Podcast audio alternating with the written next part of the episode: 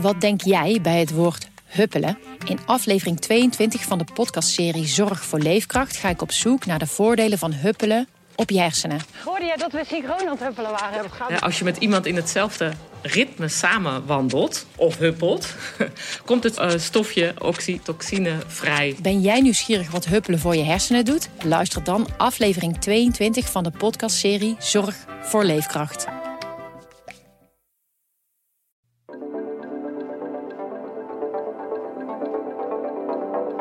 Dat maakt het systeem in mijn ogen volkomen absurd. Als ze het goed gedaan hadden, dan, dan is een controle niet erg. Want dan zeggen ze gewoon van, nou, uh, duim omhoog en uh, verstuur maar die belastingaanslagen. Mm -hmm. Nou, maar in dit geval hadden ze het dus niet goed gedaan. Ja, en dan heb je een uh, fors probleem. Vanaf de redactie in Vlissingen is dit de PZC deze week. Mijn naam is Noortje de Kroo. Deze week werd bekend dat veel Zeeuwen met een koopwoning dit jaar te veel belasting moeten gaan betalen. Rolf Bosboom schreef erover en legt nog even uit hoe dat kan. Wordt de WOZ bepaald met de Franse slag? En zien de Zeeuwen die te veel gaan betalen dat geld nog terug? Deze week werd duidelijk dat Sabewa, de Zeeuwse Belastingdienst, eigenlijk een foutje heeft gemaakt. En het is een foutje dat behoorlijke consequenties kan hebben. Namelijk dat een groot deel van de Zeeuwse huishoudens meer belasting gaat betalen dan de bedoeling was. Ja, dat is natuurlijk uh, precies uh, wat je niet wil. En dat heeft alles te maken met uh, het rare systeem van belastingheffen bij gemeenten. Ik snap dat je, dat je belasting moet betalen uh, als je in de gemeente woont en dat een gemeente geld nodig heeft. Maar we hebben met z'n allen een systeem bedacht dat zo ingewikkeld is uh, dat A, bijna niemand het meer snapt. Uh, B, dat het handenvol geld kost. En C, dat het leidt tot allerlei problemen en probleempjes zoals we afgelopen week hebben gezien. Precies, want als je een beetje rond gaat vragen, de meeste mensen die zullen zeggen de WOZ-waarde, ik begrijp daar eigenlijk helemaal niks van. Nee. Is dat erg? nee. Nou, erg. Ik, ik, begrijp het heel goed, want het, het is gewoon heel erg ingewikkeld. Ja. Uh, tegelijkertijd is het wel belangrijk, want uh, die WOZ-waarde bepaalt wel allerlei vormen van belastingen. Bij, de, bij de gemeente, bij het waterschap, ook als je je belastingformulier, je, je landelijke belastingformulier invult, dan komt die waarde ook weer terug. En die moet je bij je inkomen optellen deels. Uh, het kan zelfs een rol spelen als je je huis verkoopt met, met, met erfbelasting, met schenkbelasting. Het komt elke keer terug. Ja. Dus jij zegt, ik begrijp het heel goed. Wat is WOZ? Wat is de WOZ-waarde? Ja, dan moet je even een stapje terug doen. Uh, een gemeente moet, moet geld ophalen, die, die heft belastingen. Mm -hmm. Uh, dat doen ze op allerlei manieren. Uh, je moet geld betalen om je huisveld te laten ophalen. Dat is dan de afvalstoffenheffing. Uh, je moet geld betalen om je toilet door te spoelen en het riool te gebruiken. De rioolheffing. En dan heb je nog een derde belasting, dat is de onroerende zaakbelasting. De OZB. De OZB. Die afkorting kennen veel mensen gelukkig. En dat is eigenlijk een hele rare belasting, want die is namelijk niet ergens voor bedoeld. er is geen doel aangekoppeld. Het is gewoon een inkomstenbron voor gemeenten. Een soort het kopje overig. Ja, dus een gemeente gaat een begroting opstellen en denkt, nou, we hebben nog zoveel geld nodig. Dat geld moet eigenlijk binnenkomen via de OZB. Die belasting betalen alleen huiseigenaren. Dus als je een huurhuis hebt, betaal je die belasting niet? Nee, in ieder geval niet direct. Het kan best zijn dat jouw verhuurder, want die moet het namelijk wel betalen, dat weer doorberekent bijvoorbeeld in je huur. Maar eh, ieder geval, je betaalt niet rechtstreeks aan de gemeente eh, OZB als dus huurder. Dit is sowieso een belangrijk verhaal voor iedereen, niet alleen voor mensen met een koopwoning. Maar alleen als je een huurwoning hebt, weet je niet hoe dat wordt doorberekend. Dus daar kun je druk over maken, maar uh, je hebt er geen invloed op en je ziet ook niet hoe dat uh, verwerkt is in je, in je huurbedrag. Mm -hmm. Uh, dat speelt vooral voor huiseigenaren. Die betalen dus OZB. En de gedachte achter die hele OZB is van ja, als je het beter hebt, kun je waarschijnlijk ook meer belasting betalen. Uh, maar ja, hoe, hoe bepaal je dat? Nou, ooit is landelijk bedacht van we doen het op basis van de waarde van je huis. We zeggen, want dan is de gedachte dus, als je het beter hebt, dan heb je waarschijnlijk een duurder huis, dus ja. kan je meer betalen. En daar kun je allemaal over twisten of dat een goede redenering is. Ik heb het niet bedacht. Het is gewoon een wettelijke regeling. Mm -hmm. Namelijk de wet waardering onroerende zaken. Ja. WOZ, daar komt die afkorting vandaan. Wil je nog een keer zeggen? De wet? wet waardering onroerende zaken. Ah. Dus het is gewoon wettelijk vastgelegd dat het op basis moet van de waarde van je huis. Uh, ik vind het een heel raar standpunt, want ja, dat, het is een beetje een subjectief begrip. Want ja, hoeveel is je huis waard? Je had het ook kunnen doen op basis van het aantal vierkante meters dat je hebt. Of dat, dat is gewoon een, een vaststaand feit. Maar nu moet dus iemand, namelijk de gemeente, gaan bepalen hoeveel waard je huis is. Ja, en niet alleen dat. Maar dat elk jaar opnieuw.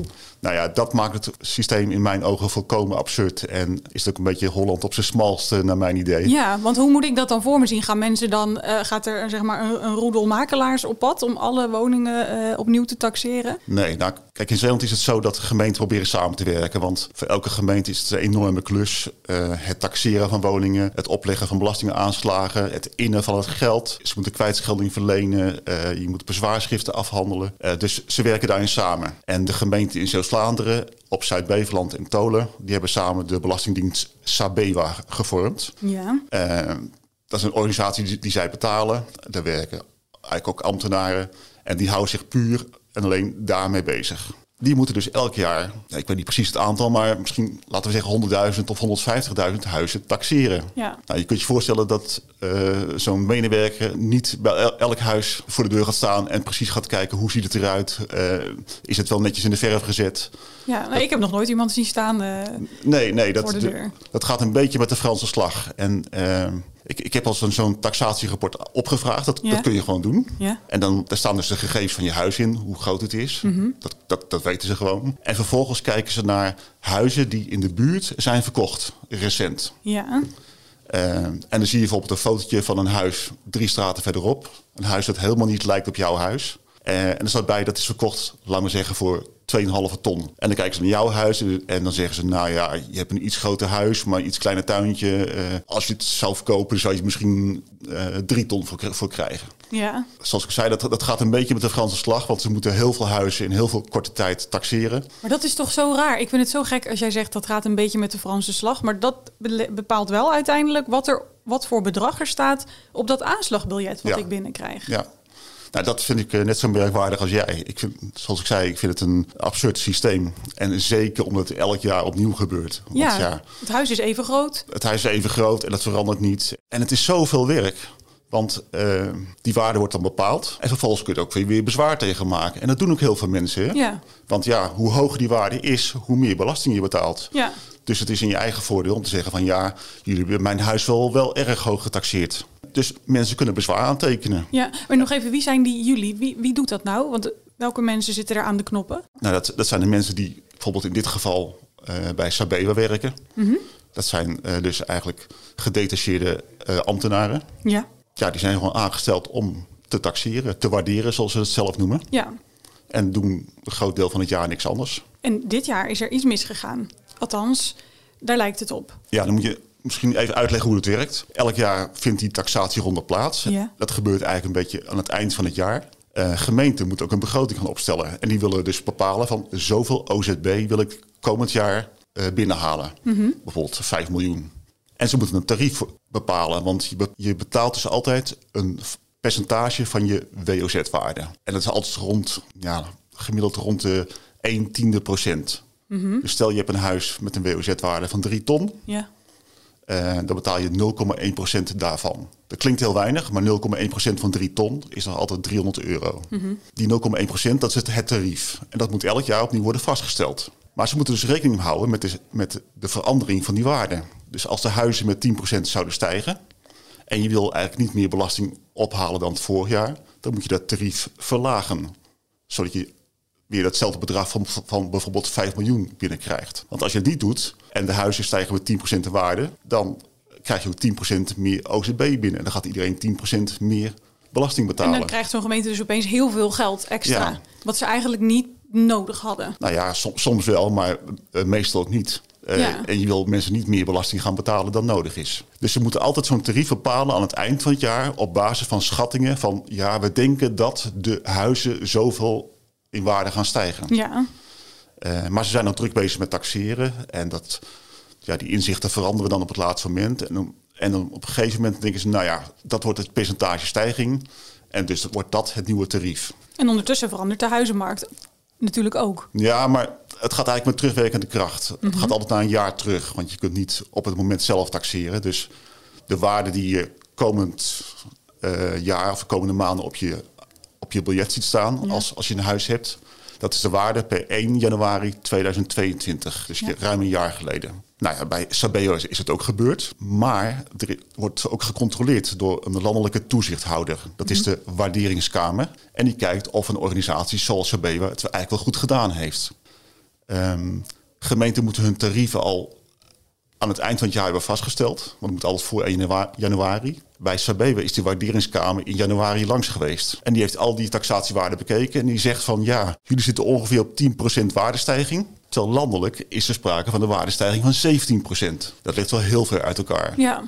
En er kan best verschil in zitten tussen Zeeland en landelijk. Maar zo'n groot verschil, dat is eigenlijk niet waarschijnlijk en ook niet goed uit te leggen. Dus die waarderingskamer heeft gezegd van past die, past die waarde maar aan. Anders mag je die aanslagen helemaal niet versturen. Dus we moesten alle uil moesten al die waarden gaan aanpassen. En dat is het moment waarop jij, waar jij op aan bent geslagen. Ja, precies. Toen, je dacht, daar ben, toen ben je daarover gaan schrijven. Ja, want ineens worden dus, gaan de huizen niet met 10% in waarde omhoog, maar met 14, 15 of 18% dat heeft zelf. al wat gevolgen. En dus uh, het belastingaanslag die je binnenkort in de bus krijgt, die stijgt dan mee. Uh, zolang het tarief, want het tarief lag al vast. Ja. Dat is namelijk afgestemd op die waardestijging die ze in gedachten hadden. En uh, in het verleden is het ook wel eens gebeurd. En dan gebeurt het een beetje ongemerkt. Uh, maar stiekem krijgen die gemeenten op die manier dan veel meer geld binnen uh, dan ze gedacht hadden en gehoopt hadden. En ja, niet altijd slaan mensen erop aan, maar in dit geval was het al heel duidelijk. Maar hoe kan het nou dat er zo'n groot verschil zeg maar, zit in, uh, tussen Zeeland en de rest van het land? Mm -hmm. En dat ze dat zelf dan niet hebben gezien? Ja, dat is een beetje raar. En ik, Sabeva heeft wel een inschattingsfout gemaakt. En het, het is wel een beetje te verdedigen dat het gebeurt. Maar nou, ze hebben gewoon de markt, de algemene markt, hebben ze toch een beetje te voorzichtig getaxeerd. En zoals ik al zei, het ging over de situatie op 1 januari 2022. Ja, Kijk, inmiddels zijn de huizenprijzen aan het zakken. Maar toen, ja, toen was die, nog steeds sprake van die overspannen huizenmarkt. Ja. Dat mensen eigenlijk veel meer gingen betalen dan de, vra de vraagprijs. Dus er werd heel veel overboden. Ja, in zo'n ja, rare woningmarktsituatie is het natuurlijk heel lastig te bepalen wat een huis waard is. Dus je kunt begrijpen dat ze ja, best wel moeite hebben gehad om die waardestijging, die algehele waardestijging, goed in te schatten. Uh, ja, bij SAB hebben ze dat gewoon te voorzichtig gedaan.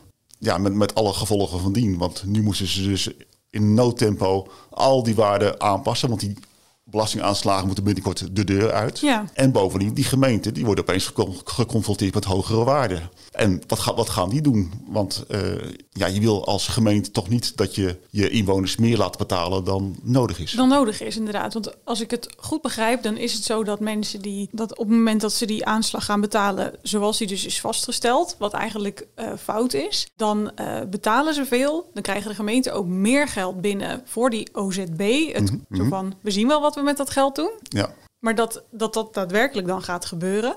En op het moment dat ze het bij zullen stellen, dan ga je gewoon betalen wat je zou moeten betalen. Ja, klopt. En ga, wordt het bijgesteld?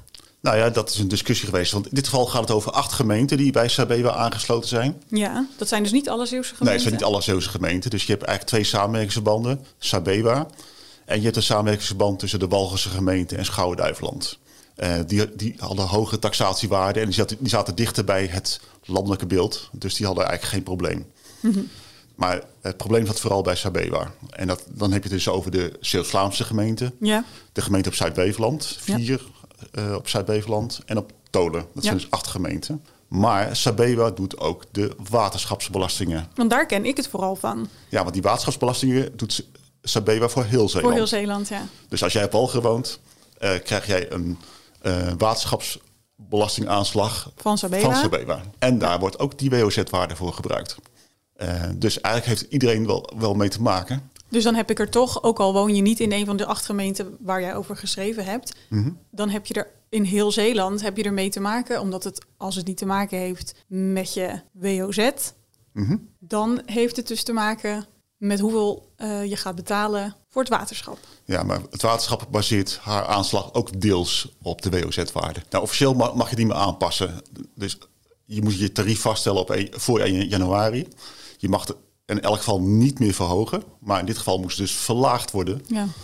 Um, maar de tijd dringt, want die aanslagen moeten de deur uit. En uh, om het tarief aan te passen, dat moet de gemeenteraad doen. Je moet het officieel publiceren. Uh, een heel gedoe. Uh, dus deze week was het eigenlijk spoedoverleg binnen alle gemeenten van wat doen we ermee. Uiteindelijk hebben er vier gezegd van we gaan het maar niet meer aanpassen. Veel, veel te veel gedoe. En die andere vier doen het wel. Ehm, en degene die het wel doen, dus die het wel aanpassen, dat zijn Goes, Capelle, Rijmerswaal en Hulst. Uh, dat betekent wel dat ze bijvoorbeeld extra raadsvergaderingen moesten houden. Dus Rijmerswaal kwam deze week al in uh, een soort spoedzitting bijeen. Mm Capelle doet het volgende week. En de rest die, die had al een vergadering gepland en probeert dan even een besluit uh, te nemen. Ja, maar wat betekent dan voor de andere mensen, voor de andere gemeenten waar het over gaat? Die, hebben die dan gewoon pech? Moeten ze maar hopen dat, ze, dat het gecompenseerd wordt?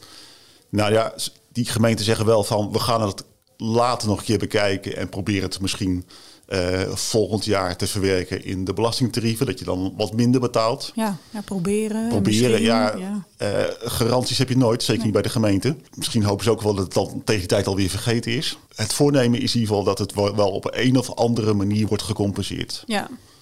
Maar hoe dat is en wanneer dat is, dat moet je als inwoner maar afwachten. Ja, nou volgens mij, kijk, jij je legt het heel helder uit, maar toch duizelt het. Waarom is het niet in alle gemeenten hetzelfde? Nou ja, in feite heeft elke gemeente dit systeem. Het is een landelijke wet. Uh, dus iedereen moet op deze manier uh, uh, huizen en andere panden taxeren. Ook Sabeba is gedwongen om dit te doen. Dat maakt het ook juist zo raar. dat het is namelijk heel veel werk. Elk jaar opnieuw. Ja, kijk, de, problemen die, die hier waren, die, die speelden op meer, op meer plaatsen in het land. En het enige wat Sabeba fout gedaan heeft, is de marktsituatie te voorzichtig inschatten. Mm. Alleen dat breekt ze nu, uh, nu behoorlijk duur op. Als ze wat hoog hadden gezeten. Dan, dan, en een ander probleem trouwens is dat de waarderingskamer, die dus controleert of je het goed gedaan hebt, ja. die, die, kwam vrij laat. Dat zat ik net te denken. Was, is het dan niet zo dat die uh, controle ook eerder plaats zou moeten vinden? Nou ja, die waarderingskamer moeten ze door heel Nederland door. Ja.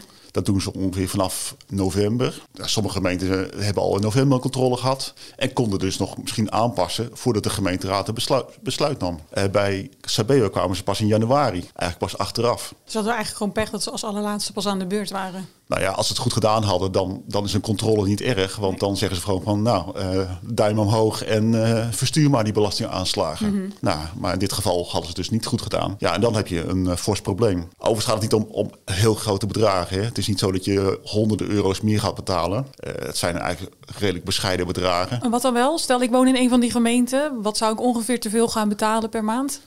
Nou ja, het is zelfs niet eens per maand. Maar Sabebe heeft het over, over zelfs maar 7 euro per, per huishouden. Uh, okay. Dat vind ik wel heel voorzichtig ingeschat. Want ik kwam, ik kwam zelf tot wat hogere bedragen. Ja, waar kwam jij op uit? Sommige 12 euro, 15 euro. Ja, Oké, okay, maar nog maar, steeds in die. Uh, ja, nee, het zijn, het zijn absoluut geen schokkende bedragen. Maar je hebt hetzelfde bij het waterschap. Je hebt ook op, op andere fronten. Uh, dus dat telt wel op. En het is vooral ook een heel principieel punt. Ja. Van, kun je meer geld vragen dan je beloofd hebt. En dan uh, laat je mensen meer betalen dan afgesproken. Dat is een heel, heel wezenlijk uitgangspunt. Dus vandaar dat sommige gemeenten ook hebben gezegd van ja, uh, dit, dit, kunnen we gewoon niet maken. En zeker niet in deze tijd waar mensen het moeilijk hebben en uh, het best lastig vinden om, om de eindjes aan elkaar te knopen. Ja.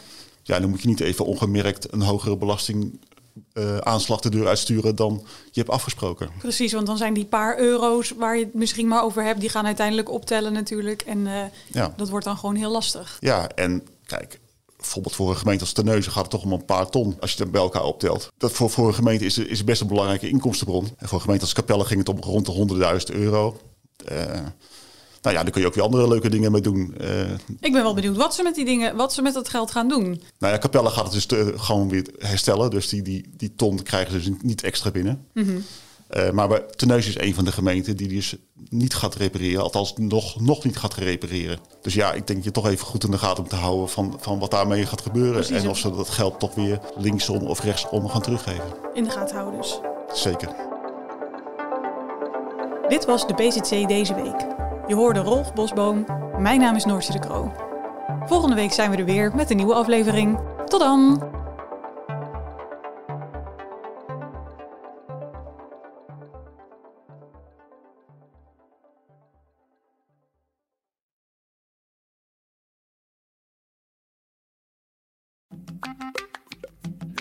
Wat denk jij bij het woord huppelen? In aflevering 22 van de podcastserie Zorg voor Leefkracht ga ik op zoek naar de voordelen van huppelen op je hersenen. Hoorde jij dat we synchroon aan het huppelen waren? Ja, als je met iemand in hetzelfde ritme samen wandelt of huppelt, komt het uh, stofje oxytocine vrij. Ben jij nieuwsgierig wat huppelen voor je hersenen doet? Luister dan aflevering 22 van de podcastserie Zorg voor Leefkracht.